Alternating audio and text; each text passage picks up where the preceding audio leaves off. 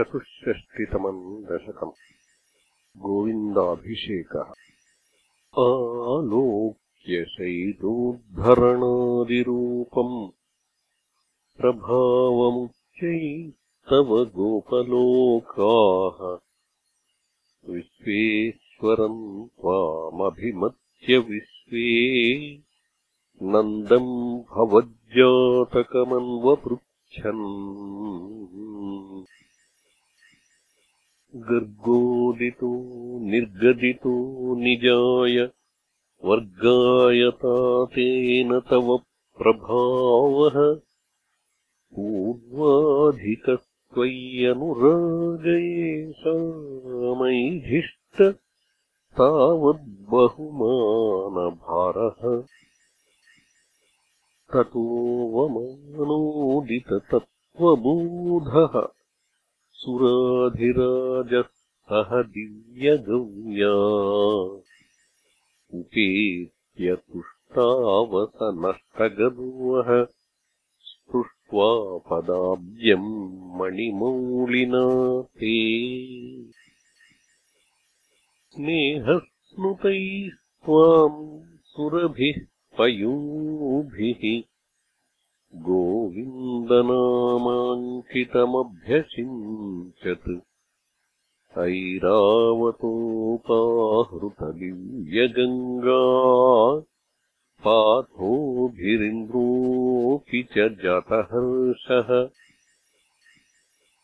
जगत्त्रयेशे त्वयि गोकुलेशे तथाभिषिक्ते सति गोपवाटः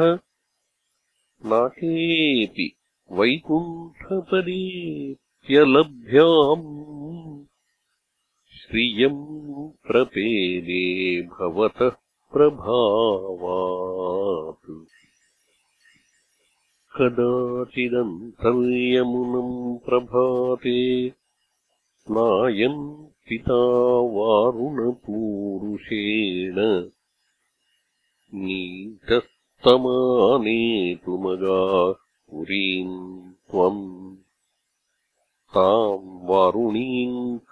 कारणमर्त्यरूपः ससम्भ्रमम् तेन जलाधिपेन प्रपूजितस्त्वम् प्रतिगृह्यतातम्। उपागतस्तत्क्षणमात्मगेहम् पितावदत्तच्चरितम् निजेभ्यः। हरिम् विनिश्चित्य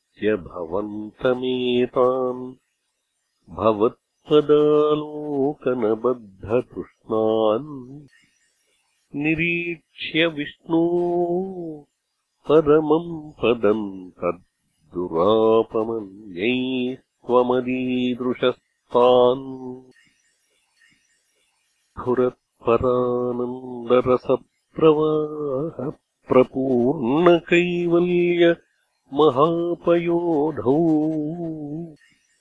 चिरम् निमग्ना खलु गोपसङ्घा स्वयैव भूमन् पुनरुद्धृतास्ते।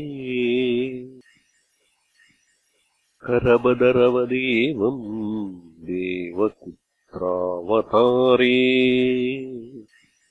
परमपदमनवाप्यम् दर्शितम् भक्तिभाव्याम् तदिह पशुपरूपी त्वम् हि साक्षात् परात्मा। पवनपुरनिवासिन् पाहि माममयेभ्यः